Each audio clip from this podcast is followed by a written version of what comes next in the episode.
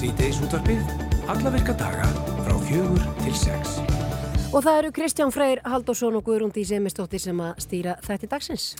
Nú í byrjun árs dinja okkur í öllum miðlum auðlýsingar um útsölur en hvað þurfa neytendur að hafa í huga þegar þeir higgjast gera góð kaup og eru þau alltaf að græða á þessum útsölum? Breki Karlsson, hann er formað neytandarsamtakana og hann kemur til okkur á eftir og ræða þessi mál en auk þess ættu að spyrja hann út í skilarétti vestlunum og en það er eflust einhverju snartan úti sem að hafa fengið einhvað jólugjöf sem er higgjast skila eða, eða skipti yfir í eitthvað annað. Samgöngustofa hvetur okkur til þess að nota endurskísmerki til þess að sjást betur í skamteginu og er að fara stað með áttak sem að kallast einfallega sjáumst og Þórildur Elin Elinadóttir samskiptastjóri hjá Samgöngustofu ætlar að koma til okkar og, og ræða við okkur já, mikilvægi þess að nota endurskísmerki. Þannig að aðeins gára þegar snjórin er, Gunnandís, þú veist það var opsalætt myrkur hérna á síðustum byggum. Já, það verður aðeins svona bjartara yfir en, en það er ótrúlegt hvað maður sér lítið þá sem eru svarklættir og er á ferðinni. Já, það er rétt. Jú, uh, Þráðathón er yfirskrift tveggja daga hugmyndasmiðu sem framfer í Grósku hérna í Reykjavík 15. og 17. janúar og er á vegum klag og umhverjastofnunar. Markmið þessara hugmyndasmiðu er að þróa lausnir við aukinni tískusóun eða textilsóun Fulltrúar ímest að fyrirtækja ræða sínar áskorunir í þessum efnum og fyrirlesarar munu fjalla um stöðu þessa vandamáls. Við ætlum að taka upp þráðinn með þeim Jennu Björk Gummisóttur frá Klag og Jóhannes Björka Urbansits Tómasinni frá Ungaristofnun. Og í kvöld á Rúf verður Íþróttamæður ásins 2023 tilkynntur auk þess sem að fara er yfir eftirminnilegustu Íþrótta atvik ásins og þetta hefst allt saman klukka 19.40 í sjónvarpinu og við ætlum að taka stöðun á þessu öllu með Eddur Sif Pálsdóttur eða Þorkeli Gunnar Sigurbjörnsinni Þetta fer eiginlega bara allt eftir því í hvort þeirra við náum því að þau er á þönum Já. alveg fram að útsetningun í kvöld. Þeir eru að fara að taka viðtölu og svona bæða staðnum og svo þarf að fara það og svo leiðis. Já og svo þurfum við að rifja upp líka bara hverjir eru tilnæmt. Jú, algjörlega. Aha, Þetta aha. er spennandi. Jú, uh, sagt á hráði í fréttum Ríkisvonsins í gær að grímuskylda hafi verið tekinu upp á landsbítila og álægið sé það mesta sem starfsfólk hefur séð á spítalanum í dágóðum tíma. Umgangspestir eru talsveit á sveimi, mikið eru um innlægnir og öndun að færa sjúkdóma sem að hafa sótt í, sótt í sig veðrið og þá setja veikindi starfsfólks eignist reykir reikningin. Ragnöður Ósk Ernestóttir, hún er frangatastöru í hjúkurnar hjá Hilsugjastinni og höfbúkarsvæðinu. Hún er komin á línuna. Sæl Ragnöðurs. Já, komið sæl. Nú er þess að blessuð umgangspestir að valda miklu álægi á Hilsugjastastöðum. Hvaða hérna, svona til að byrja með, hvaða pestir eru þetta helst sem er á sveimi? Já, það er eiginlega bara allt í bóði, skal ég segja. En það eru náttúrulega, það eru sko þessar öndunafæri síkingar sem eru ansi miklar og algengar núna yfir þessa köldu mánuði sem eru núna að gangi yfir. Og það er mjög mikilvægt að við neinn tökum höndum saman og, og komist í gegnum þessa mánuði núna. Og gott hjá spítalanum með mitt að, að svolítið að minna okkur á grímyndar og, og taka þær aftur upp og líka munum við endilega beina því til fólks að, að hérna, vera svolítið sparlega í kringum eldra fólk og viðkvæma sem að eiga erfitt með að, að hérna, síkjast þessum síkingum að, að hérna, taka upp þær sótvarnir að passa okkur alveg sérstaklega í kringum þennan hóp. Mm. Það er þessi hópur sem er hvað viðkvæmastur og, og lendir í læði ef hann veikist. Er álægið bara jætt mikið eða, eða mest eh, frá því að við fórum í getnum þessa COVID-pestir? Það er meira og það kannski helgast líka því að nú erum við náttúrulega bara með stærri og stærri árganga sem eru eldri mm. og þetta er bara, þetta er svolítið nýtt landslag hjá okkur að hafa svona marga eldri og, og, og sem að kannski taka síkingarna verð. Þannig að allt heilbriðiskerfið er svolítið undilagt já. og það er alveg, það er nýtt hjá okkur að, að hafa svona marga, já. Eigum við jafnvel að leggja aukna áherslu á að spritt okkur aftur, það geti hafa dóttið aðeins niður eftir COVID? Já, bæði spritta og líka bara svolítið að, að eins og ég segja, halda sér fjærri, þeir sem eru eldri og viðkvæmari, halda sér fjærri þeim og ef þú hérna þarfst að koma nála, þá nota sprittið og, og grímur líka. Mm. Þannig nú... að verja þá sem eru viðkvæmari. En nú var heilsugjæsla með náttúrulega átaka ef maður væri með kvef og væri með hósta og ættum maður bara að vera heima. Hvenar á maður að leita til heilsugjæslunar? Hversu slæmur þar maður að vera orðin því ekki viljum við endilega vera að bera þetta inn í byðsælinn þar og, og hvað þá vera að fara með þetta inn á spítalana? Já, sko yfirleitt er þetta veirupestir sem er að ganga þessar öndun að færa hérna síkingar og veiran er þannig að, að þú þarfst bara að vinna á henni sjálfur. Þannig að það getur alveg tekið nokkra daga, 5, 10, 14 dagar jáfnvel er ekkert óeilegt að sést með einhverja slemsku í þér. Mm. En ef að enginin eru þannig að þú átt að orðið erfitt með að anda og er svona þungt og, og annars líkt að það fer ekkit framhjóður og hún er verið með háan hýta í marga daga, þá er álægt að fara að líta, líta á þig. Mm. Því að það er, þú getur myndað svona að fá sko síkingu í kjölfar veirisíkingar sem er bakterísíking og, og þá þarf að taka til síklarliðja. En yfirleitt er það ekki nema síkingi sem er búin að vera í þó nokkra daga og er svona orðin svæstnari og þeir eru ekkert að batna. Erum við, er, er við orðin bara óþólimáðar en við vorum, Ragnhjörður, að því að þegar COVID var þá bara þótti sjálfsagt og manni þótti það sjálfum, vinnuvotundum þótti það sjálfsagt líka að maður væri bara heima í góðan tíma til að ná þessu úr sér til þess að vera ekki að fara að smita þetta inn á vinnustæðina. Erum við orðin óþólimáðari og eigum við bara að halda okkur heima vel og lengi? Já, það er, það má segja það. Það er lítið þól í samfélaginu fyrir veikindum var það bæði fyrir COVID og eftir en í COVID þá tótti það sjálfsagt og við getum alveg tekið upp betri venjur varandi það að líka ábyrðar eh, hlutur að fara í vinnu og smita alla hinna. Mm. Það er ekki heldur gott og fólk kannski gleymi því það er að harka af sér og drífi sér í vinnuna og, og enda svo að því að smita alla hinna. Það er ekki vinsælt. Nei. En hvernig með mm. uh, svona almennar uh, eins og flensusbrautur og slíkt, er ekkert uh, fólki meira mælið að sækja, sækjast í svoleiðis bólusetningar eða sprautur hérna, kannan þessi flensus var, ganga? Já, það var freka dræm þáttakann núna í haust og við gerum átakarna fyrir jólin og í desember að, að, hérna, að passa sig að fá leggist ekki flensu um jólinn Og það var uh, svona brást nokkuð vel við hópurinn og, og við sendum öllum SMS sem voru 60 ára eldri mm -hmm. og það brást ágætlega við og, og, og var nokkuð góð þáttaka en hún hefði vissulega mátt vera kannski betri því það er betra að fyrirbyggja með bólusetningu að fá flensuna. Mm -hmm. Uh, við bara sendum bestu til ykkar í heilsugæslinni Ragnhjörður Ósk Erlendstóttir, frangatastöru hjúkunar og við bara hveti fólk til þess að vera heima. Já, Já spritta. Vera heima og, og upp með sótverðinu þar eftir, bara Já. komast í gegnum þessa svona næstu tó mánu. Akkurat. Það var þetta gott. Takk hjálpa fyrir mm. spjallið. Allt í besta, takk, bless.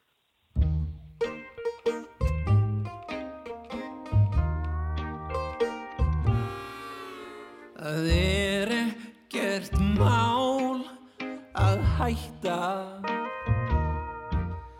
Það vit allir sem hafa reynd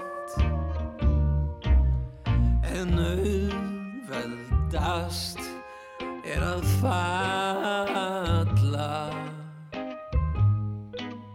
Bara smá, bara smá óbein. Það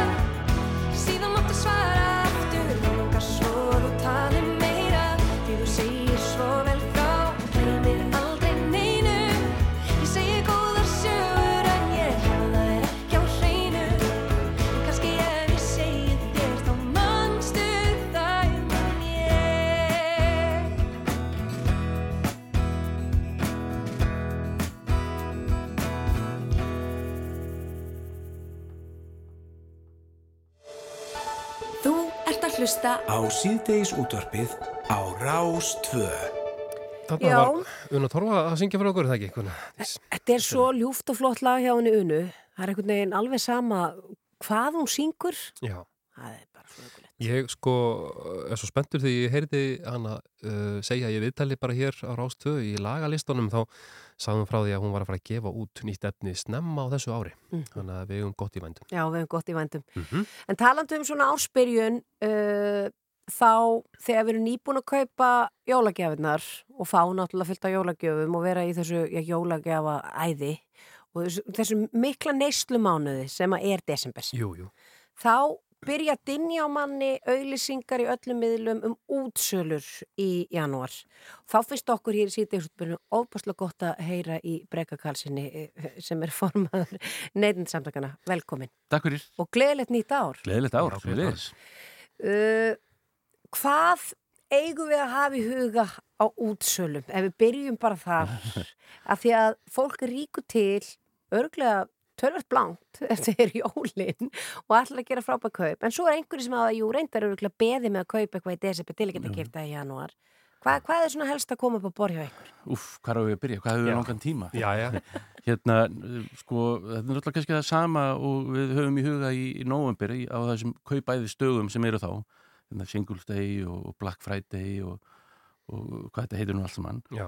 Og að, að það er fyrsta lagi að ekki að hlaupa til og kaupa einhvern óþarfa. Að, hérna, það er nóg til af óþarfa í heiminum, við þurfum ekki að bæta, bæta á það. Uh, og síðan náttúrulega þurfum við að, ganga úr skugga um að það sé verið í raunverulega verið, við séum að gera góðan díl. Uh, Sistur samtök okkar uh, í Bretlandi, þau gerðu rannsókn fyrir Black Friday og, og þessa daga í nómubur, þessa nómubur daga og komust að því að 98% af þeim vörum sem eru á afslætti þá er hægt að finna á betra verði 6 mánuði fyrr eða 6 mánuði eftir. Já, Þannig að það er alls ekkit á vísan að róa að þrátt fyrir háa afsláttar prósentur Mhm. að það sé endilega uh, gott verð í búði. Og nú er það þannig að flest okkar eru með myndavílar í, í vasanum og getum tekið myndir af verði og, Mhm. hérna, og nú er komið svona hérna, alls konar upp sem, sem hægt er að ja, taka myndir og geima og, og finna aftur þegar að, að hérna, við erum á þessum afslátt að dögum núna, eða útsölum núna og það er um að gera að bera það saman og, og hérna og, og bara kanna það hvort við séum í raunverulega að gera, gera góða, Mhm. góðan díl. Nú man ég eftir því sko að því hef nú talsett verið innan um uh, bóksölu og svona síðustu árin en þá hérna, þá var oft uh, hjá félagi bókaútgefanda talað um uh, hugdag sem heitir leiðbeinandi útsöluverð. Það var eitt sinn að, að sett voru sko verð bóka í, í hérna bókatíðindin til dæmis en svo fóru þessar hundakúnstin með, með hérna afslættina. Já. en þetta er ekki við líði annar staðar. Við þurfum bara svolítið að vera varbergi bara þegar við kaupum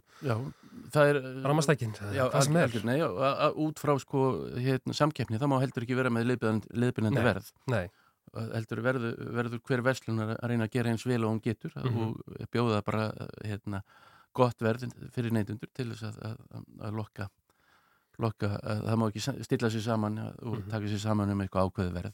En, en svo er eitt eins og ég hjó eftir því í lóknómbur og byrjun desember að það var verið að auðlýsa tökudæmi jólaserjur eða jólaskraut Mhm.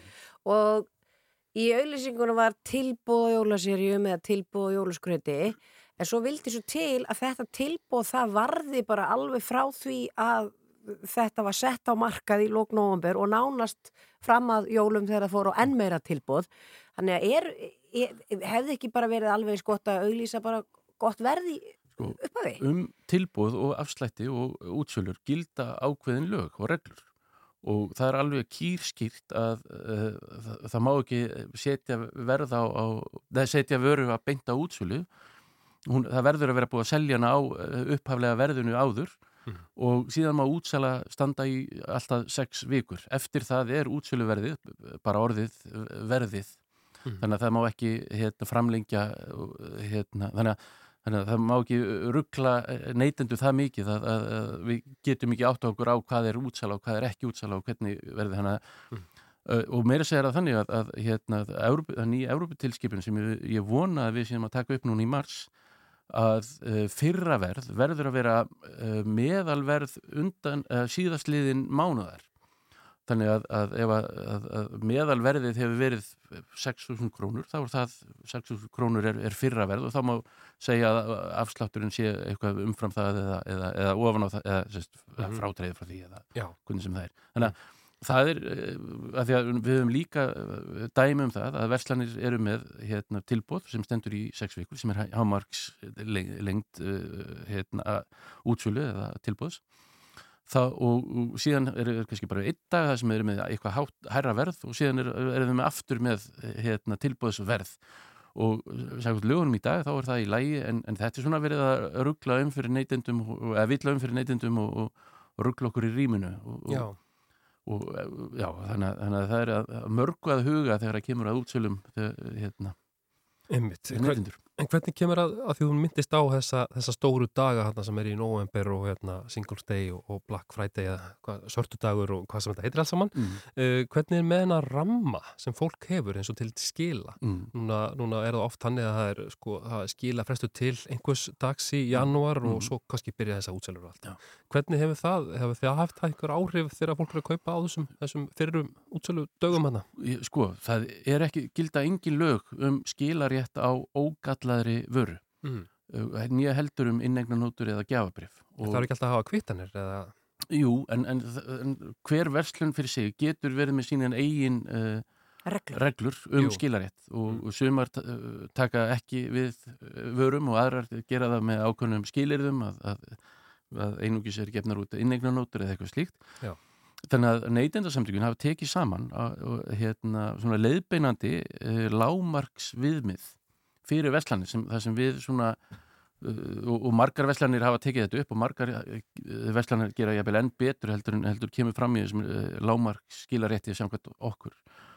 Og, og, og þá er það þannig að, við setjum fram þær, þær kröfur að verslanir taki við ógallari vöru í 14 daga frá, frá kaupum hið minnsta. Mm. það er að sama og gildi lög, lög um netkaup, ef þú kaupir eitthvað að vörur á netinu þá máttu skila þeim í 14 daga eftir að þú uh, hérna, tekur við þeim, bara það samkvæmt lögum. Um, en uh, í þessum re- reglum okkar kemur líka fram að, að við viljum að þetta gildi líka um vörur sem eru keftar á útsölu eða tilbóðsverði og að, að hérna, setja gjöf eins og núna fyrir jólinn þá er verðt mert með gjafamerki og, og hægt að skila því alveg fram til 15. Uh, januar og að, að, að fólk geti fengið fullt verð tilbaka því að nú er að þannig að, að, hérna, fólk er á, fengið það verð sem, sem það greitti fyrir vöruna tilbaka. Nú er að þannig að, á þessum útsölu tímum sem eru núna í janúar þá og fólk er að skila kannski bókinni sinni sem það fekk aukarlega eða, eða, eða sokkaparinu sem það eh, líst ekki á eða hvað það nú er að þá er það að, hérna, eru vestlanir að taka þetta inn á útsölu verði, kannski 20, 30, 40% lægra verði heldur en varan er kift á Mhm. og, og við uh, höfum uh, hérna uh, í okkar skilareglum er það þannig að, að, að hérna, fólk á rétt á að fá upphaflega verðið fyrir vöruna Þannig að við eh, beinum því til eh, neytenda að kynna sér þessar reglur og kynna sér reglur, þær reglur sem verslanirnar eru með eh, um skilarétt áður en uh, verslað er og taka skilaréttin inn í dæmið þegar að það er ákveðið hvar skal versla. Já. Já. En eru, svo við förum aðeins og jákvæðari nótur kannski, eru verslanir og verslanir eigendur orðni betri en þeir voru og meira svona líbó og vilja eða hvað? Og 98% af öllum verslunum uh, gera vel og Já. vilja gera vel og standa sig með príði. Því miður er það þannig að það er enginn sem hefur samband við neytendasamtökinu og segir, heyrðu, þessi verslun stóð sér svo svakalega vel. Aha, Heldur er það, við- það kemur, fólk kemur til okkar þegar það er í, uh, þegar brotið hefur verið á er því eða þegar eitthvað, eða eitthvað er að. En uh, flestar veslanir, langflestar, uh, gera vel, uh, vilja gera vel við, við viðskiptavinn og vita það að ánægður viðskiptavinnur er gulls í gildi, hann kemur aftur, en óanægður viðskiptavinnur, hann segir öllum sínum vinnum og vandamönnum og það eru ansi stór flokkur orðin á samfélagsmiðlum til dæmis, hans, þeir segja, segja sínar sögur þar og að það er ekki, ekki endilega hérna, og það vil enginn já, láta slíkt um sig spurjast að, að, fara illa með viðskiptavinnir. Aftur bara lang flestar veslanir standa sig príðilega. Já, það er gott að heyra. Breki Karlsson, formaður neytindir samtökana, takk fyrir að koma til okkar og, og fara aðeins yfir í smál með okkur og við bendum líka bara á vefsíðin eitthvað neytindarsamtökin.is, það er, eru ymsar upplýsingar og líka svona nýjustu fréttir og annars líka. Nákvæmlega. Takk fyrir. Takk fyrir. Takk fyrir sem leiðis.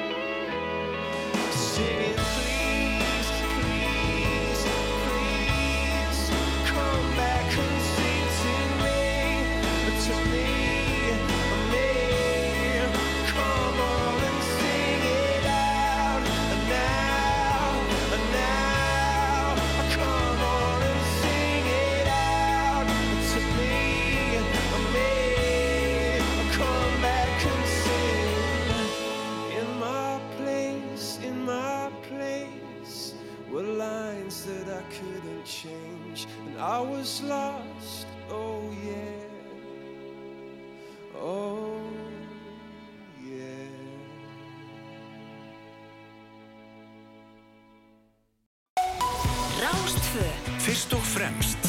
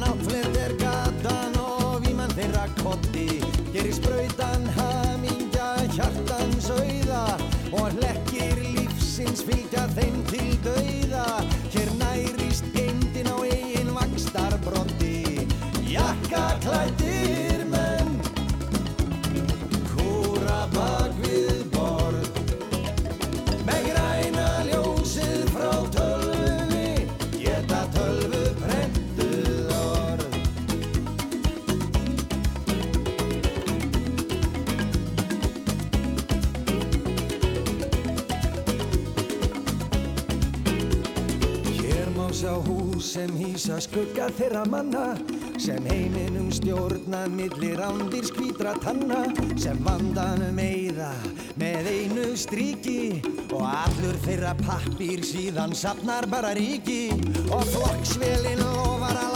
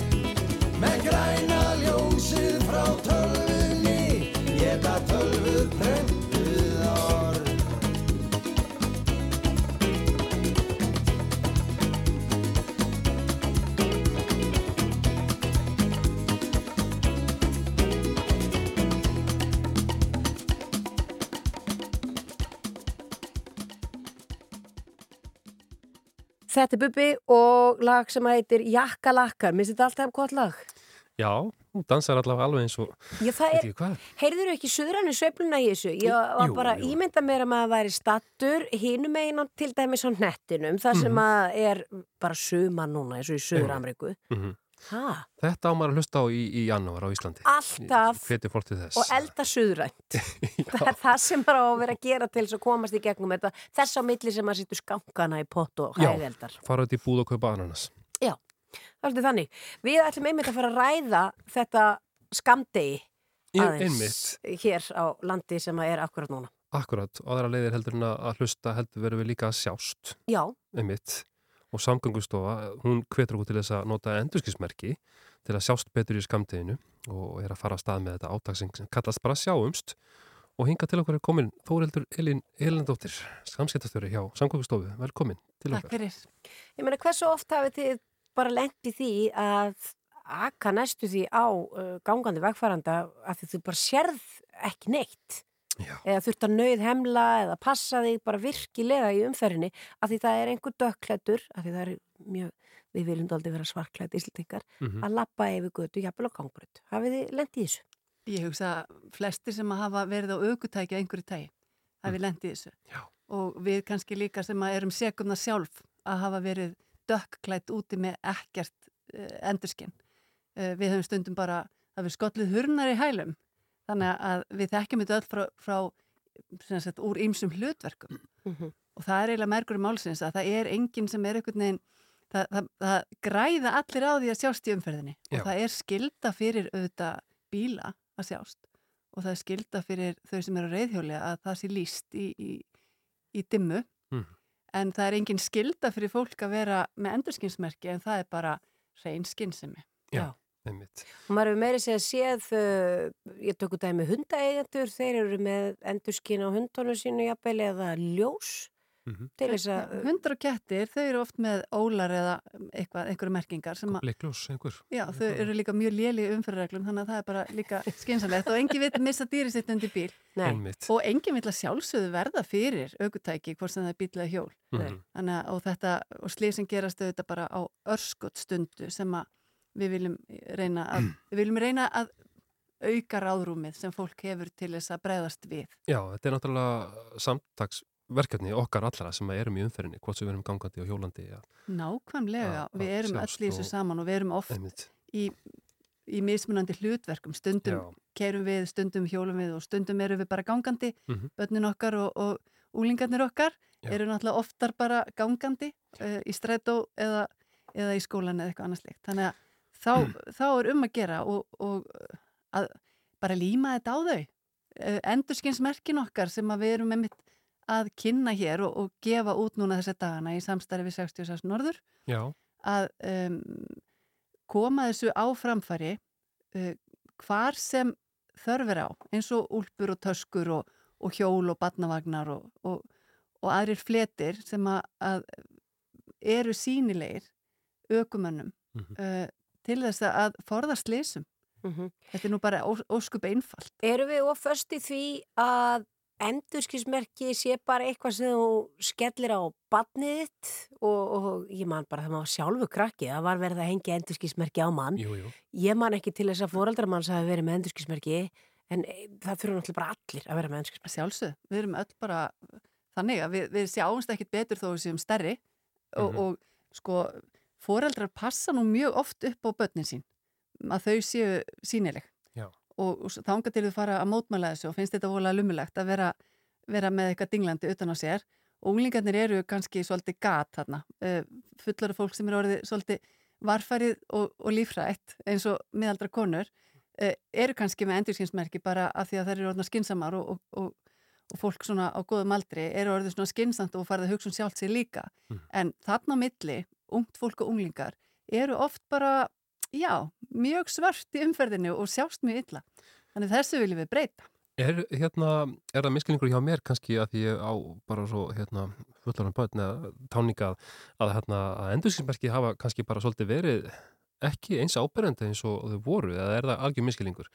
Sko, við við tölum um þessu Samgöngustofu- næ- nældu merkin sko, það er kannski langt, langt sína kannski rifu klæðina og slíkt en þeir eru hérna komið með svona limmiða en Já, en við hjá samgöngustofu höfum verið áður í, samstarfi við aðra aðila uh, með endurskinsmerki undanfærin ár sem að hafa verið með ymsu móti og erum auðvitað hvetjað fólk til þess á hverju einasta ári að, að finna sér endurskinsmerki. Það þurfa ekki, alls ekki að vera frá okkur og, og við hvetjum með mitt fólk til þess að gá bara í drastlskúfuna í eldúsinu af því að þar leynast nú oft gömul merki sem að hafa kannski leið ónotuð og, og draugum þetta fram og verum umhverfisvæn og notum það sem við eigum Já. en verum sínileg bara fyrst og fremst Já, hvað þú segir þetta, ég er með í skálinni sem að uh, allt er í sem enginn þarf á að og- halda. Já, Já. Þar eru jú, En af því út að tala líka um úlingana, mín reynsla úlingum er svo að því að við erum líka taldið föst í því að hafa endurskismerki einmitt á úlpum eða yfirhöfnum og svo eh, erum við nú svo heppin að það eru margir skóframlegendu fannir að setja þetta í saumana í skónum eða á skólatöskur eða eitthvað svona, að þá er ansi gott að sko úlinga nefnilega er ekki alltaf í yfirhöfnum. Þeir, það er dálítið erfitt að fá úlinga til þess að klæða sig í úlpu þrátt verið að það sé fimbulkuldi. láttum við ekki það Já, af því þeir bara, við klæðum okkur í lítið af fötum þegar við erum úlingar. Þá er þetta svolítið sniðumerki sem þeir eru að koma hérna núna því það er þetta að líma þetta í rauninni eins og sér á bakboka og á hvað sem er. Já, þau, þau haldast reyndar uh, mjög vel á, á hörðum flötum Já, en, en um að gera setja þau bara sem víðast og, og nota þau sem mest vegna þess að þó maður kannski reyna að treysta og framleiðandinn sé með einhverju svona innbyggð endurskinsmerki að þá getum við alveg bætt við og þessi merki er að líma í einhver munstur og gera það svolítið flott og gera það á sínum Mhm. þetta eru form þannig að það er engin skilabóð á þeim og þau ef þetta er á dökkum klæðnað eða dökkri Mhm. tösku þá sjástu þau ekki neitt Já. ekki fyrir en að aukuljósið lýsir á þau Mhm. þá allt í henni sjástu Ég svo líka, þú veist, það er auðvitað að selja þessum krökkum þetta, þetta er frá 66 krakkar, þetta er töff. Við viljum auðvitað vera töff og, og, og 66 er, er, sýnir bara mikla samfélags ábyrð í samstarfi við okkur í samgöngustofu Já. um að koma þessu framfæri, að gera okkur örugari bara í daglega lífinu. Þetta á ekki að vera eitthvað eitthvað lumulegt eða hallarslegt að vera vel mert og vera örug í umferðinni. Það, Það er bara töff. eitthvað sem við viljum að öll komi heil heim og, og það sé ekkit sérstætt mál. það er töff að sjá stíðumferðinni Þú ert með hérna þessa miða sem við, svo sem hérna erum að handleika í hér við Gunnardís, uh, þetta er svona ringlega limmiðar og spöruskjulega hérna, hvern, ertu með einhverjar uh, sko tillögur að því hvernig fólk á að hérna merkja sig, er þetta bara Nú bara, sem mest? Já, bara það- sem mest, látið bara ímyndunarafli ráða og, Já. hérna dreifið þessu á fötin ykkur og töskutin Mhm. ykkar. Svo þetta sjáist Já, það er að nálgast merkin hjá okkur í, í, hjá samgangustofu í Já. Almála 2 og einnig í öllum útibúum 66 norður Mhm. og svo náttúrulega bara öll önnur endurskinsmerki sem að fólk kemur höndum yfir, Já. notum þau. Algerlega, það skiptir ekki neinu máli hvaðan þau koma, en bara henda þeim á flíkurnar og, og svo framvegis. Það er bara töff að sjást í umferðinni. Það ég held að Þórhildur það Elín. sé góð loka orð. Já, Þóruldur Elin Elendóttir, takk kærlega fyrir að koma samskiptastjóri hjá Samgöngustofu og við segjum bara sjáumst. Komin út úr mesta myrkrinu Vann mig út úr eigin sjálf heldur En ef að út af ber Og ef ég byrja að barma mér Þá minni ég mig á það Sem hún mamma sagði mér.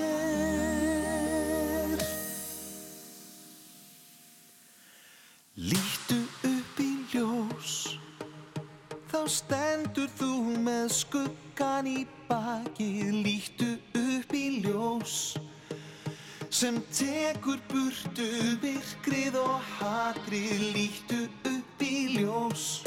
Jafnvel inn í gráu ský er sólskinið falið Líttu upp í ljós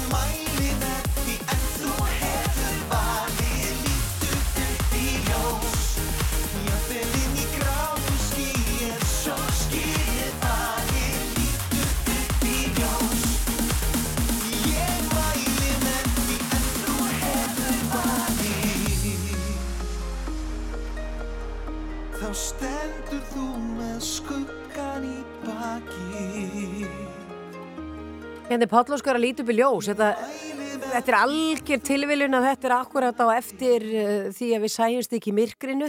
Já, einmitt. Akkúrat. lítu upp í ljós.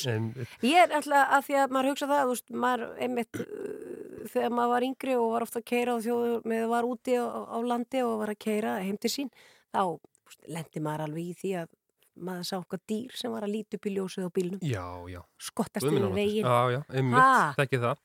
En þetta var hérna talandum um góða vísu sem að hvað segir maður þetta? er aldrei of oft kveðin. kveðin. Það, Það er eins og þetta. eh, með endurskinu. Já, Og líka, einmitt. eh, svo gaman sem hún var að segja með þetta, með drastlskúfan í eldhúsinu. Já, Þar eiga pottitt allir endurskismerki. herri, ég fór nú bara að hlæja. Þú myndist á þetta líka og, og ég held að það sé akkurat þar sem að ég er með þetta, maður setur rúllaðas, sko, svona rúllaðus segull, meina ég, Já. sem þú svona hendir utanum til dæmis höndunaður. Arbandið, ekkert skemmtilegra en það. Nákvæmlega. Þetta var ægilegt sporthema á grækki, þetta var til líka, þetta var til skærbleikt, Já, þetta var til neongrænt og neonbleikt og, ég, og ég, ég bara sé þetta reynda gullt nýlega þetta er töff, finnst mér. og þetta þykir krökku skemmtilegt. Svo var Og- líka þegar ég var krakki, þá var maður með endurskisbelti. Já. Það er að segja, það var til svona Mhm. sem þú gast haft utanum bara mittið á þeir eða úlpuna skiluru. Já, Það, það, er, er- það er grjótart. einmitt. Og mér finnst áhugavert að tala um sko að sé að einhvað sé töff og eitthvað sé ekki töff í þessum efnum því að það er bara eins og ég einhvern tímann grenjaði í, í minni konu því að, að, hérna, að mér finnst reyðhjála hjálmur svo asnalegur að ég bara væri, sko ég er nú bara ekki töff þegar ég er með eitthvað höfufatt, það er nú bara mín, mitt eh, vandamál, en, en reyðhjála hjálmur er nú sjálfnast eitthvað töff og þá sagði hún bara, þú veist, það er ekki töff að vera hauslaus Nei, veist, og það er alveg hratt hjá henni held ég. Að þetta er kannski það sem er. En ég er svo sammálaður að Mm. ég á enn eftir að finna þann reyðhjólu hjálm sem fer mig vel Já, en ég set hann alltaf á af því Mhm. að við erum allir líka fyrirmyndir. Jú, maður þarf að hugsa það þannig og svo einmitt það er ekki líka töff að vera hauslös þessu beinum við líka bara til fóröldra að hérna, við þurfum að vera fyrirmyndir í þessu og, og setja okkur endurskipsmerki Já. og þarna er nú bara ágætis átak hjá samgöngustofu og, og 66 sem að, sem að eiga nú til að merkja uh, sín, sín, hérna, sína vörur með endurskinni Já. ef ég séð En það er ímslegt framöndan hérna hjá okkur Já. við höfum eftir að fara í kjör á Íþróttamanni ársins þar að segja við erum ekki að fara að kjósa um hann Nei. en uh, í kvöld á rúð þá verður Íþróttamaður ársins 2023 tilkynntur Já. Þetta er Húlum Hæ sem að fyrir gang klokkan 1940 og uh, tvent af okkar besta uh, er þarna stúsast í þessu meðal annars þetta Sif Pálsdóttir og, og Þorkitt Gunnar Sigurbjörnsson og við ætlum að freista þess og eftir að ná í annarkvort þeirra Já, byrjum að ringja í annað þeirra og sjáum hvað, sjá hvað gerist, hvort það svarið eða ekki Já, við veitum ekki hvort þau séu í húsi af því þetta er alltaf, þau eru búin að vera út á þönum út um allan bæ Já, Þannig við ætlum að fara aðeins yfir það hver eru tilnendur og svona þannig að Mhm. þetta er alltaf skemmtilegt. spennandi Og svo er það þráðathón. Já, það er það sem framöndan er.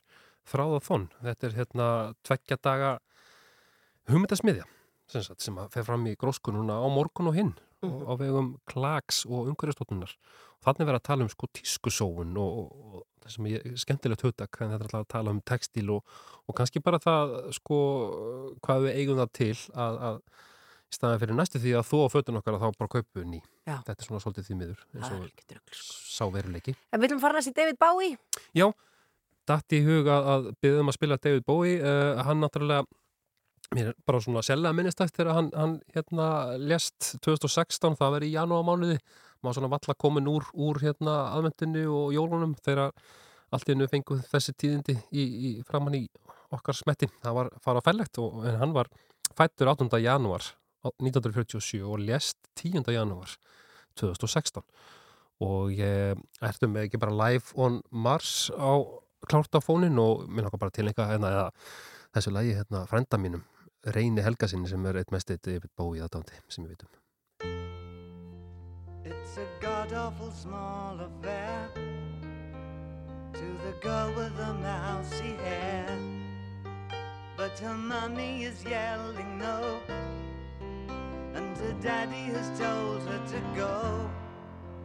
But her friend is nowhere to be seen. Now she walks through her sunken dream to the seat with the clearest view and she's hooked to the silver screen. But the film is a sad thing for, for she's lived it ten times or more. She could spit in the eyes of fools if they ask her to focus on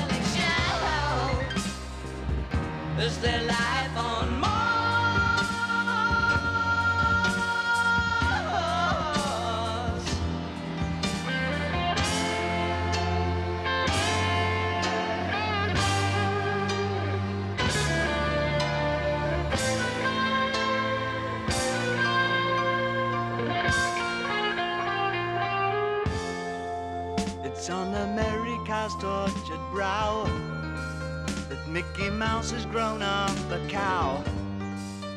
Now the workers have struck for fame. Cause Lennon's on sale again. See the mice in their million hordes. From Ibiza to the Norfolk Broads. Rule Britannia is out of bounds to my mother, my dog, and clowns. But the film is a sad thing more. Cause I wrote it ten times or more. It's about to be writ again. As I ask you to focus on sailors fighting in the dance hall. Oh man, look at those cavemen go. It's the freakiest show. Take a look at the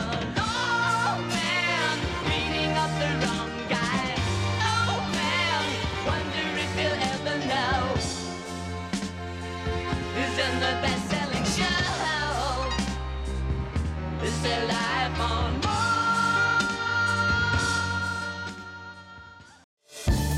Síðdeisútvarpið Á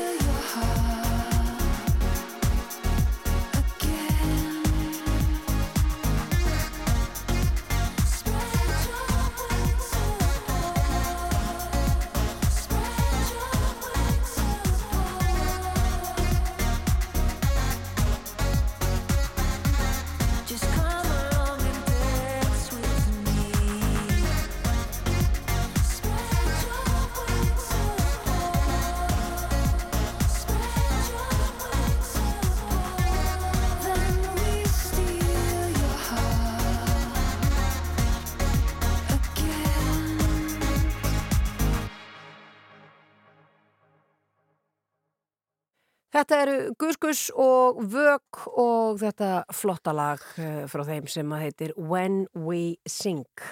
Já, heldur betur. En uh, við ætlum að halda áfram með, uh, með uh, ímis efni sem að við erum búin að fara hérna yfir ímislegt auðvitað hinga til. Byrjum þennan klukkutíma á því að, að forundast um þráða þón.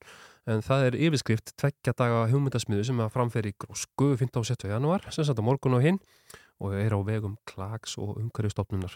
Markmið hugmyndasmiðunar er að þróa lausnir við aukinni tískusóun eða textilsóun og fulltrúar ímsa fyrirtækja að ræða sínar áskorunir og, og fyrirles, fyrirlesar muni fjalla um stöðu vandamálsins. Við erum komið með þau uh, Jannu Björg Gumstóttur frá Klaki og, og Jóhannes Bjarka Úrbansits Tómasson fyrirgeði frá umhverjastofnun. Verðið hjertalega velkomin. Takk fyrir. Takk fyrir það. Takk fyrir að koma. Uh, má ég kannski bara byrja að spyrja bara hva, hvað er þráða þón? Svona til að byrja með. Jú, þráðaþón, þetta er sérst hérna, við erum að halda, þetta er svona aðeins leikur á orði að því þetta Já. er rauninni hackathon og hackathon í svona almennt er yfir þannig að fólk kemur saman og mætir og í rauninni býr til eitthvað svona hugmynd eða lausn og vinnur svo að því mjög markvist í eitthvað ákveðin mjög stuttan tíma yfirleitt. Og hérna og það er rauninni það sem við ætlum að gera og við nefnum þetta þráða þón að því við erum með áherslu á hérna uh, náttúrulega einmitt hennar textil já. já, og þræðina Mhm. og hérna, en við ætlum að hafa þetta aðeins öðruvísi heldur en svona hefbundið hackathon að því þetta er sérst það sem við kallum reverse pitching Mm -hmm.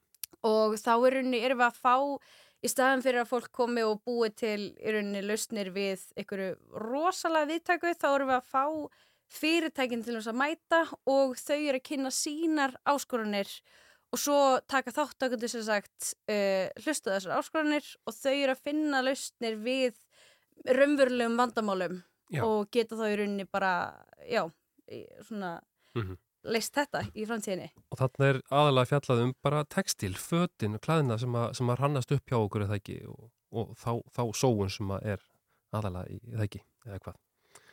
Jú, mikið rétt. Mm. Textíl sapnast upp hjá okkur, uh, bæði á heimilum og hjá fyrirtækjum og fólk veit ekkert alltaf hvaða á að gera við textíl. Mm.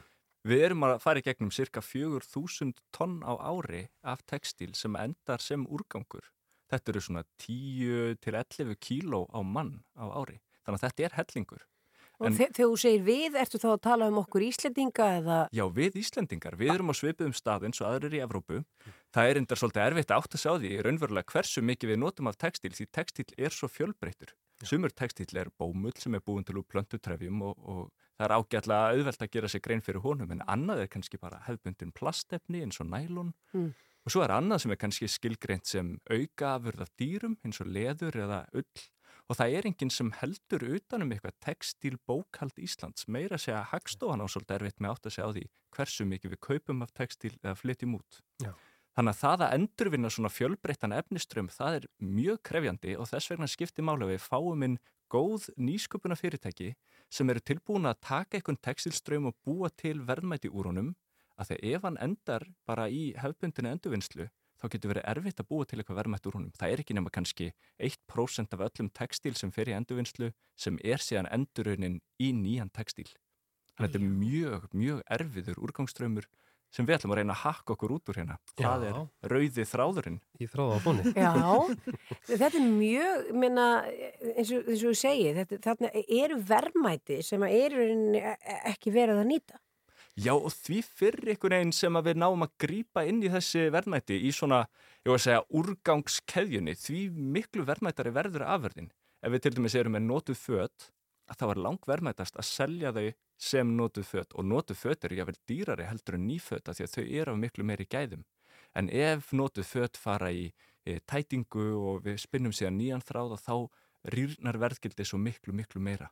Og enn verri ef þau fara kannski bara í, í brennslu eins og getur gert með svona blandaðan textíl.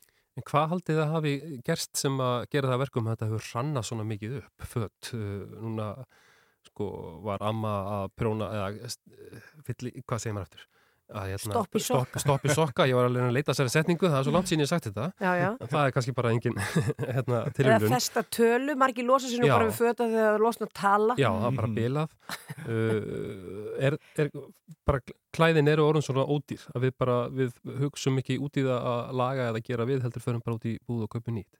Það er því miður svolítið staðan. Og ég heyri það alveg að fólki sem vinnur í þessum geira að það finnur ár frá ári hvernig textílinn sem kemur inn, hvernig hann er rýrari af gæðum heldur en áður fyrr. Og það passar alveg við framleiðslu tölur við erum að framleiða kannski tvöfalt meira textíl núna heldur en fyrir 15-20 árum. Það er ekkert endilega því við þurfum mikið meiri textíl, hann bara endist miklu stittra af því að hann er að verri gæðum. Og svo er líka þetta ódýrari þannig fólk er fljótar en kannski að bara grípa þetta ekki fyrir og bara fara og kaupa sér oftar og meira og svo var einn saga sem ég heyrði eitt tjóðan og ég svona situr aðeins í mér. Ég sést þegar að það er orðið ágætlega algengt og það geta tekið eftir því í endurvislinni að fólk er ekki að kaupa bara kannski þrjár stærðir af ákveðinni flík og svo bara henda þær þeirri sem að passar ekki. Þegar við tekið eftir þetta er alveg að gerast. Að því þetta er bara það ódýrt og Já. öðvelt Já. Þannig að eins og þú ert að segja að, að það er, að því út að tala um það að verðmættast væri og best væri náttúrulega að selja bara notu föt og einhver kaupið það sem kæri sér þá um það og heldur áfram að vera í því. Það er vantarlega betri heldur en að gefa notu föt í það og kannski tekur það einhver sem að kannski, enda þá kannski bara í ruslinu. E, verðum við ekki að fá bara fleiri, er þetta ekki bara viðskiptatækifæri í þessu líka, verðum við ekki að fá fleiri svona vestlanir, það eru orðnar einhverjar en þarf ekki að opna meira af þessu? Jú, það er eitt af þess að við erum að fiska eftir hérna í þessu hackathoni að við Já. viljum fá að heyra hvernig nýsköpunar aðeinar, hvernig, hvernig nýskapandi fyrirtæki sem hugsa á skapandi hátt, hvaða tækifæri þau sjá, að því við vitum það eru tækifæri. Verslanir hafa verið að spretta upp eins og gorkúlur og, og við sjáum að þetta er eitthvað sem að bæði Evrópa og líka frumkvölar á Íslandi hafa áhuga á og það er bara ég, vil ekki segja uppselt af því að það kostar ekkert að taka þátt en, en það er fullt hús hjá okkur í þráðathóni á, á morgun. Já. Það er áhugi fyrir þessu. það er Hva- sko, Mm. já, fyrir ekki Já, fyrir ekki þau sjálf, ég, hérna, allan á ekki að grípa fram í fyrir þér, en hérna, ég ætla nú bara einmitt að beina til þín í hana, hvað, hérna, þú nefndir hérna áðan, það eru fyrirtæki sem að taka þátt í þráðfónni og, og, og fyrirlesarar, getur þú sagt okkur aðeins frá því? Einmitt, ég hérna, er eru? bara akkurat það sem ég ætlaði að fara að segja Já, eða ég ætlaði að nefna þess auðvitað er þetta líka fötin og svona en svo er þetta textil er ótrúlega mikið víðareldur en bara fötin okkur þannig það er, þú veist, til dæmis fyrirtækin sem er að koma að kynna hjá okkur það er uh, Landspítalinn og það er IKEA og það er Dive.is og svo Sorpa Mm. og þau eru með ótrúlega ólíkar hérna áskorunir og landsbítan til dæmis þau eru að fara að kynna, þau eru búin að kynna sína áskorun, að fara að kynna hana morgun og þau eru til dæmis uh, þeirra áskorun svo að uh, þau þurfa að losa sig við uh, starfsmannafatnað Mhm. og það er engin smá hérna Margir sem, það eru margir sem vinna á Það landsbytalanum. eru heldur betur margir sem vinna á það er, og þau eru einhvern veginn að breyta gallanum þannig þau þurfa í rauninni að koma þessu í einhvern góðan farveg Eru sem þetta hjúkrunafræðinga galafnir? Ég- Þe, þeir, þeim var breytt fyrir einhverju síðan og, og, og breytt um lit og eitthvað svona en þú veist ekki hvað þetta er en, en það er náttúrulega alltaf verið að þróa og breyta uh, eins og þú segir svona fatnaði starfsfólks. Nákvæmlega og þú veist og þegar þú ert að breyta þessu þá er þetta svo rosalega mikið efni sem að um, þarf að koma í mitt eitthvað Mhm. og svo er til dæmis erum við líka með hérna dive.is það er svona skemmtilegt að þeir eru sko með hérna þurrgalla sem sem þeir nota sérst fyrir hérna uh, þeir eru að kafa í silfru en ef þeir eru eðilegast þá er eiginlegt þetta laga þá því það er bara ekki efni virkar ekki þannig Aha. þannig þau eru bara með uppsafnað eh, eitthvað rosa magn af þessum þurrgöllum sem þarf að gera eitthvað annað við og það er ótrúlega spennandi hvort sé hægt að gera eitthvað hvort það kom einhver hugmynd, hvort það geta að nýta svona efni í bara eitthvað tísku- annað tískufatnað, já. til dæmis, eða bara hvað sem er sko Já. en já, við erum með þau og svo erum við líka að fá hérna uh, við ætlum að fá svona inspirational fyrirlestra frá til dæmis Ragnarsöru í fólk sem hefur verið að gera alls konar skemmtilega hluti með þetta, er til dæmis með púðana hann sem þið búa til úr hérna búa til sérst púða úr svona örgispúðum og bílum sem eru ónýttir og ekki að endurnýta. Mhm. en var ekki að endurnýta, nú hefur verið að endurnýta það. Og svo kemur líka Guðbjörgrut frá Rauðakrossinum og þau munu líka ræða um bara svona almennt þetta munu kynna okkur meira fyrir þessum áskorunum uh, já. En er ekki bara spennandi tíma framöndan og er ekki, ég ætla ekki að segja, með að þetta maksjóðast að segja um hver Íslendingur, þetta er bara, þetta eru, eru bilaða tölur, en, en er ekki, er ekki komin einhver kúvending í þetta núna? Er ekki yngri kynnslóðir, þær ætla ekki að vera í sama ruggli og við sem að meðaldra og eldri erum? Og vilja bara breyta þessu. Við finnum það alveg að, að samfélagið hefur engan áhuga á sóun. Sóun er löngu dottin úr tísku og meiri sér hraðtíska er dottin úr tísku. Mm. Við sjáum það árið 2016 að þá voru að falla til 14 kíló á mann af textíl á ári. Nú er þetta komið niður í 10,7. Nú Þannig að við erum, við erum á leiðinu niður þrátt fyrir allt. En svo finnum við líka bara áhugi frá stjórnvöldum er mikill. Nú er búið að stopna ringrahásaklasan sem er svona vettvangur fyrir nýskapandi fyrirtæki til þess að fá stöðning stjórnvalda á að, koma sér á legg og koma sínu viðskiptahugmyndum á framfæri þannig að við getum eld ringrásahagkerfið enn meira. Mhm. Þannig að stuðningur er að koma úr öllum áttum það var allir áhuga á þessu, nú er bara að setjast niður og gera þetta. Einmitt. Þannig að eftir þetta hackathon eða þráðathon ykkar þá kannski við búin að minka þessa tölu enn frekar. Einmitt. Svo er mjög spennandi líka að vera gaman fyrir okkur að sko, að líka fyrir þessi fyrirtæki sem vonandi myndast þarna, úst, við náttúrulega hjá klak erum að styðja við hérna bara nýsköpun og nýsköpun fyrirtæki Mm. og við erum með líka munum kynna á morguninu svona næstu skref sem er svolítið skemmtlegt Mhm. þannig við ætlum að kynna fyrir þeim líka bæði hérna, það er uh, textilmiðstöðin sem er líka í uh, samst, við erum sér saman líka við textilmiðstöðina og þau ætla að þau bjóða FabLab þau eru með aðstöðu fyrir fólk til að vinna í þessum hugmyndum áfram Mhm. og svo getur þetta líka tekið þátt í gullleikinu sem er með umsóknarfrest til 19. janúar Mhm. eða ringiðu sem er svona ringarásar, klass, uh, ringarásar hraðallin hjá okkur Já, einmitt. Þið hafa verið með þessa viðskipta hraðala og, og svona þessa vinnusmýður. Já. Og, og, og þú, þið myndist á að það væri bara orðið uppselt á, á þráðathon eða hvað? Og þetta er á morgun og hinn eða ekki? En verður þetta að fylgjast með þessu á öðru leiti nokkuð eða hvað? Þetta verður þetta verður ekki streymi Nei. og einmitt þetta er uppselt en Mhm. við munum vera með uh, við munum senda út alls konar uh, efni frá Já, þessu og munum kynna þetta eins vel og við getum sko. Það er auðvelt að fylgjast með okkur á samfélagsmiðlum saman gegn sóun, ringrásaklasin og, og klag Mhm. munum miðla þessu. En svo hlustið bara fréttir í næstu viku því ég vissum að Sigur teimin í þessu hackathoni hafa áhugaði að segja landsmönnum frá því hverju þau komast að. Frábært, bara gangi ykkur rosalega vel á morgun og í framtíðin og við munum fylgjast áfram með þessu. Janna Björk Guðmundsdóttir hjá Klag og Jóhannes Bjarki Úrbanek Tómasson hjá Umhverfstofn, takk fyrir komuna. Takk fyrir Takk hella fyrir okkur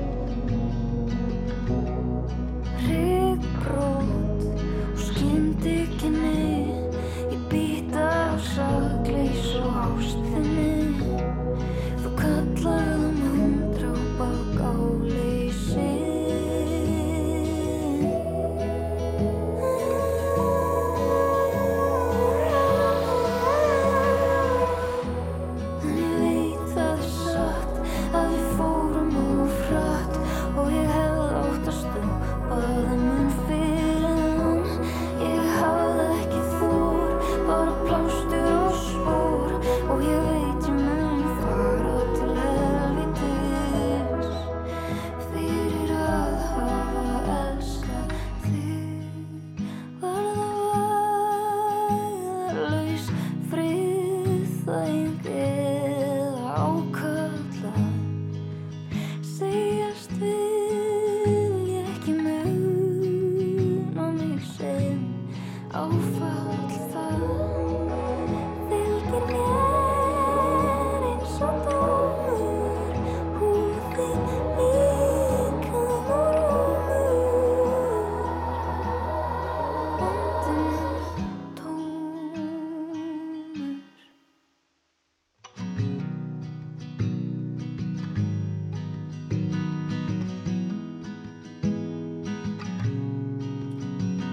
Hall og lag sem að heitir Mandráp af Gáleysi. Veðurhorfur næsta sólaringin. Tók bara yfir hérna veðurfréttinar.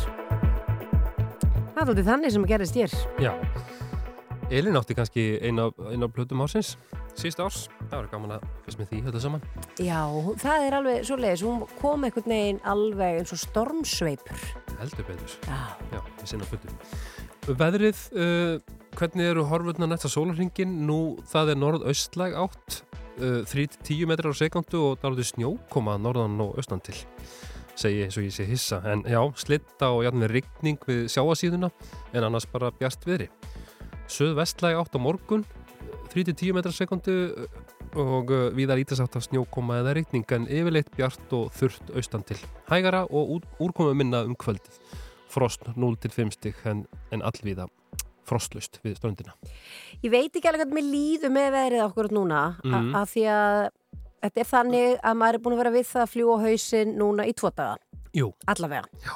Það er bara mjög erfitt. algjörlega Það er alveg saman átt maður saltið að hvað maður gerir, þetta, það hjálpar ekki neitt. Mhm. Svo núna uh, í, í morgun þegar ég fór út, þá var þetta ekkert orðið skára því þá var líka, að því er að, ég er búin að vera að fara sko svona bara út á lóðina heima og lappa í snjónum frekar en að lappa á gástjættinni. Já, já, við lappa með hundin Nei, nei, nei, nei, ég, bara ég er ekki búin að ná að gera það. Nei, Það er allt verið hérna.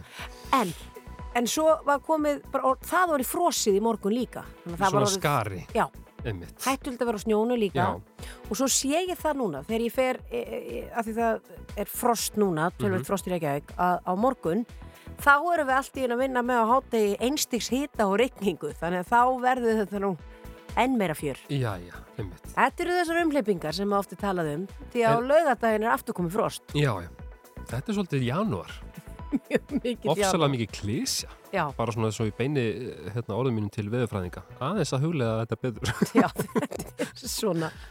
En við ætlum aðeins að fara að hýta upp fyrir íþróttamann ársins hérna eftir uh, smástund. Já, hver verður íþjóttamæður ársins? Það kemur í ljós í kvöld. Já, og hver verður á línu hjá okkur? Verður það Edda Sigur Pálsdóttir eða verður það Það er líka spennandi. Þorkill Gunnar Sigurbjörnsson? Við höfum ekki hugmynduð það að feð bara eftir í, í hvort er að við náum, við þurfum að ná í skotti á þeim. Þau eru á útofni núna náttúrulega. Þetta er bara, það er nóg að gera. Akkurat. Þannig að vonandi náum við allavega annað hvort þeirra hérna til smá. Þetta er Beyoncé. Remember those walls I built? Well, baby, they're tumbling down. A fight. They didn't even make a sound. I found a way to let you in, but I never really had a doubt. Standing in the light of your halo, I got my angel now. It's like I've been awakened.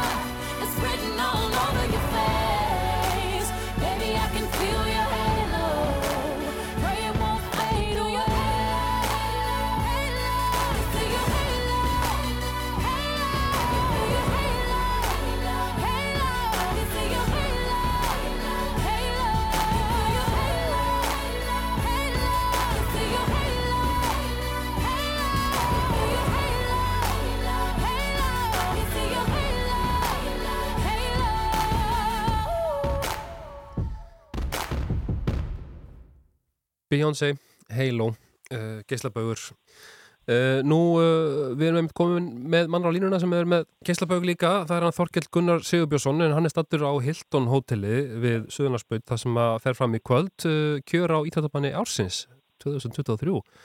Þorkell, þeir eru í ykkur? Hello, já ég er yfir. Heiló, blessaður.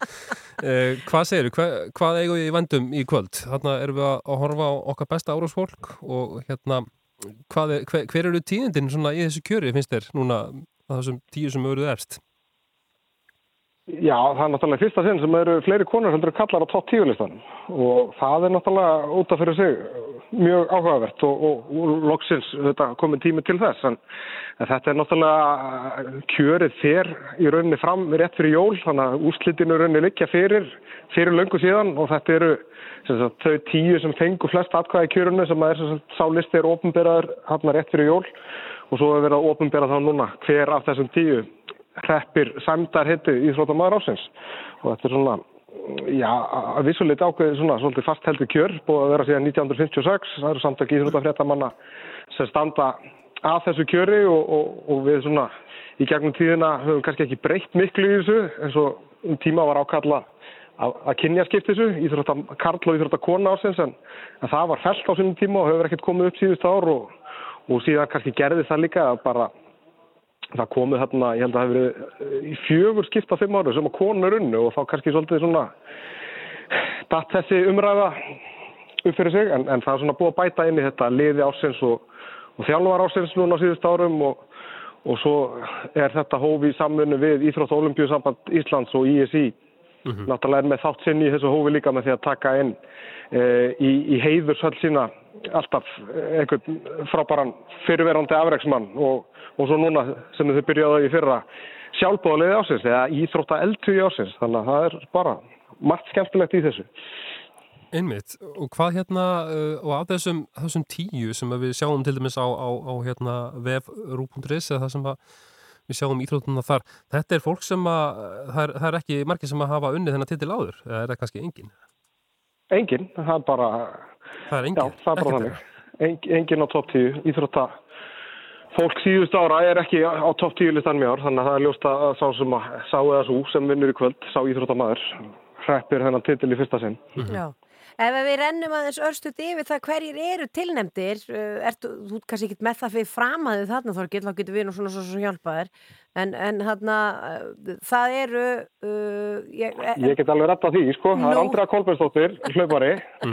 Anton Sveit Makí, sundmaður. Elvar Már Freyriksson, kauruboltamæður Gísli Þorgeir Kristjánsson, handboltamæður Glótis Perla Vigosdóttir, fótboltakona Jóhann Berg Guðmundsson, fótboltamæður Snæfríður Sól Jórunardóttir, sundkona Sólei Margrét Jónsdóttir, kraftliftingakona Sveindis Jén Jónsdóttir, fótboltakona og svo Telma Aðalsteinsdóttir, fimmleikakona þannig að þetta er, þetta er nokkuð fjölbreytt hvað íþróttagreinar varðar Já. og ég menna þetta lítur að hafa verið erfitt fyrir, já, bara að gera upp á milli.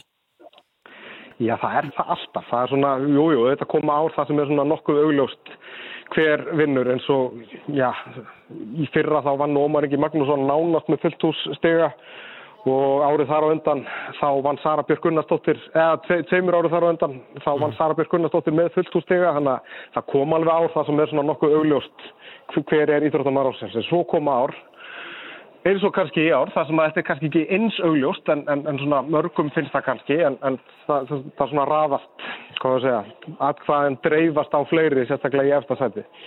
Þannig að það er bara, bara mjög skemmtilegt. Þessi, þessi breytt uh, íþróttagreina, er þetta, finnst þér endur spekla kannski bara árið?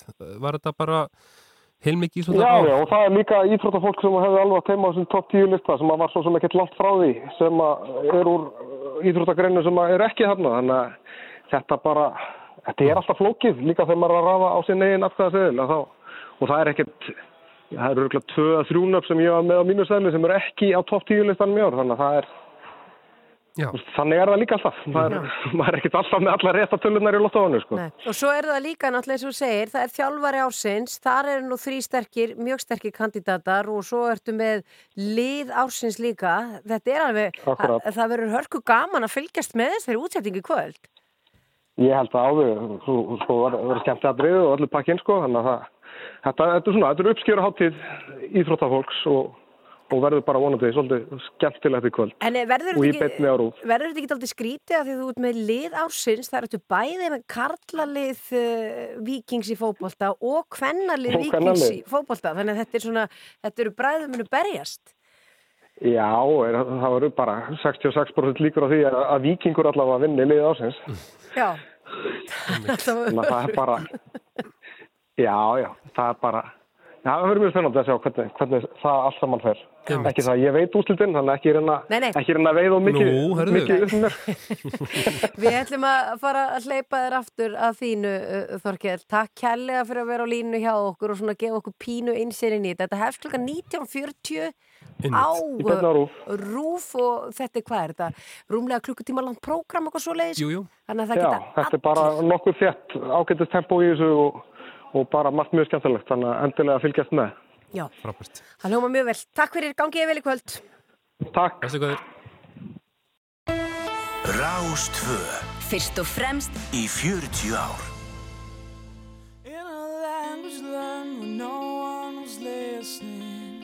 I try my best to tell you how I feel. Somehow I'm sure, and this I believe in.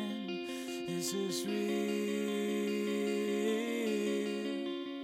From my heart, I sing to you when I'm hoping that you'll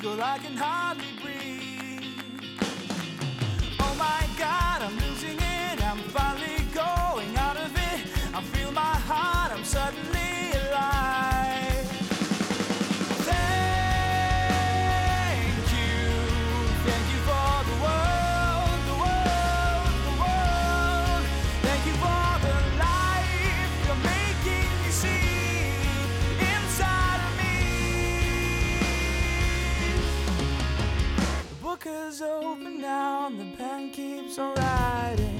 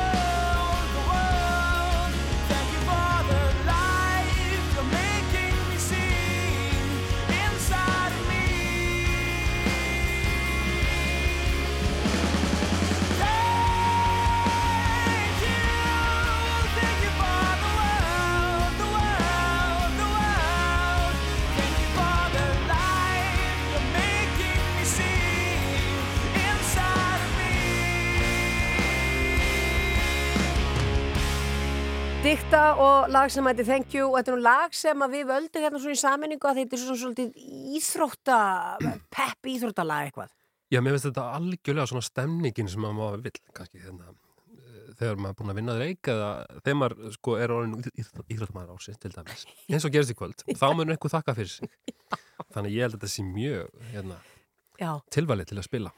En það er mikil og, og góð tíð framöndan í sportinu þessu, þessu ég var að segja við ég er öll að kjötast upp fyrir þessari, þessari útsendski kvöld en svo Jú. er annað sem að ég er svo spennt yfir og, og einhvern veginn heldur daldið í mér lífinu í janúar. Já, En það er margt sem heldur í mér lífinu í janúar. mhm, Já, já, þetta hljómar illa, bara fjölskylda og vinnir og svona já, já. og bönnin en sem að hjálpa mér mjög mikið í janúar það er uh, eru handbóltamótin oh, það, er- er- er það er spenna það er, það er einhvern veginn eftirvæntingin, það er allir ótrúlega sigurvissir svo er það vombriðin og svo, svo þegar illa gengur en, en það gengur náttúrulega oft bara mjög vel já Ég bara, guðsir lofa að við eigum okkar fulltrúa, okkar, okkar drengi hérna á, á þessum stað, það, það verður eiginlega högg, eða kæmi nú að því að, að þeir eru ekki með. Já, þeir eru allavega já, þeir eru hérna í EM Karla En hvað er framöndan? Þetta er náttúrulega EM eða ekki? Jú.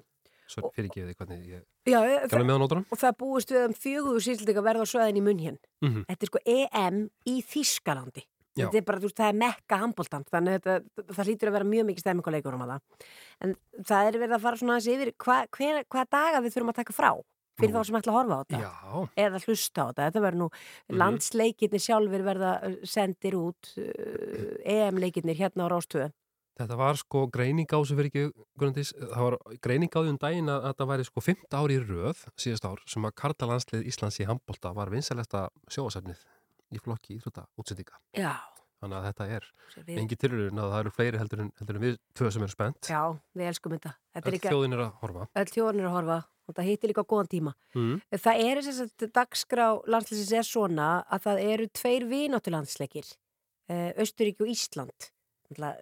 Bara svona aðeins, Mhm. það er kannski ekki af spennandi en það svona gefur samt stundur svona kannski tónin um það hvernig mun ganga og það er kannski líka að sjá hvað má betrum bæta og svona. Mhm. Þetta er bara núna lögadaginn, 7. janúar uh, og Já. svo 8. janúar á mánudegi, hvoru tvekja rétt rúmlega 5. Þá á móti Östuríki úti. Já. Já. Já, ég veit ekkert hvað þetta er. Nú ert að spyrja og, erfiðara spurninga.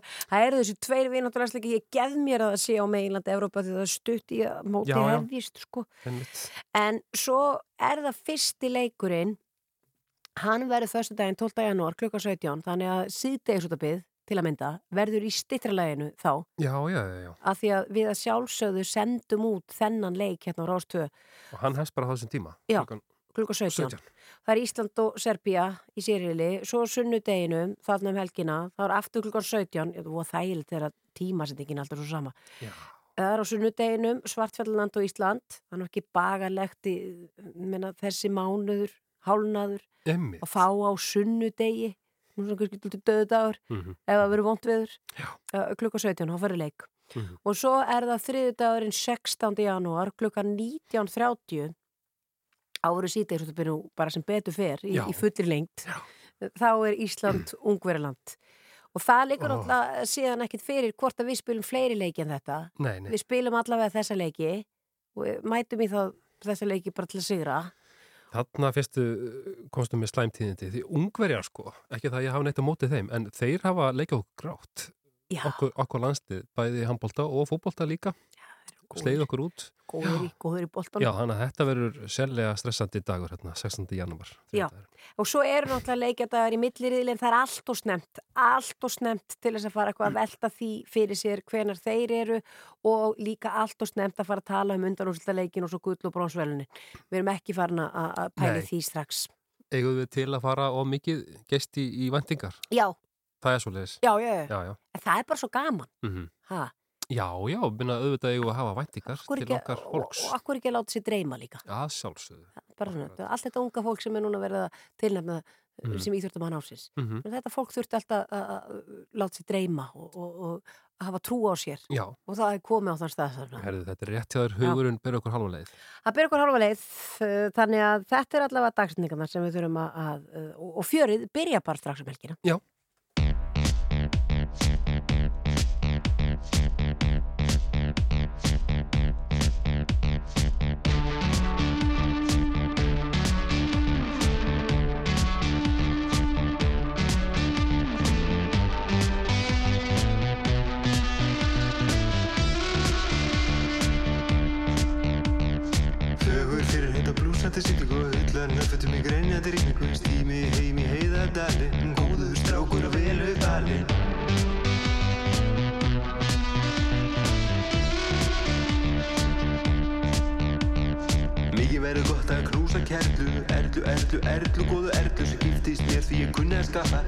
my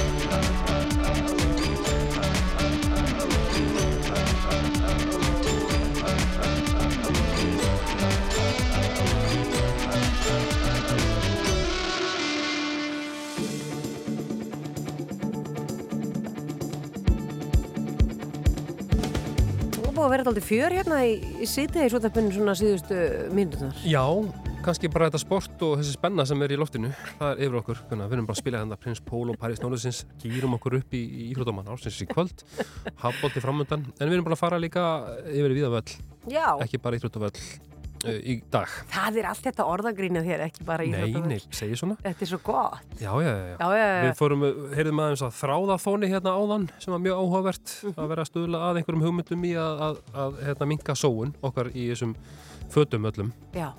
textil sóuninni. Já, við rættum að þessum neyndamál, bara útsölur og, og, og, og- verð og svo fórum við, vorum við líka að fara þessi við pestirnar, þessar pestir sem er Jú, gangi og við verðum að muna að spritta okkur. Muna spritt okkur, svo ætlum við líka að muna að sjást í umþyrinni, Já. hafa endurskismerki, Mhm. það er bara mjög góð, hérna, góð ábending frá samgangustofu. En uh, við minnum á uh, Íþróttamann ásins klukkan 19.40 hérna á RÚF og uh, fyrir þá sem að uh, ætla að hlusta á útarpið þá er þáttur sem heitir Konsert í kvöld klukkan 22.05 held ég hann sé, hann er allavega upp á 10. Já, þar verður hérna, þar fáum við að heyra brota af, af uh, tónlingum sem að heita sem hétu Takk Njalli, bara þessa undirskrift og, og þar var hérna hljómsdýr að heiðra minningu Njáls Þórðarssona sem var í vinnum á Blóma og, og hérna og landuðu á sónum. Já, þetta er algjör svona millennium sleggja, vinum og svo blóma, sem og sóltök sko. og algjör sómadrengur á Njál Já. Lesu þessi minningas En við þakka fyrir okkur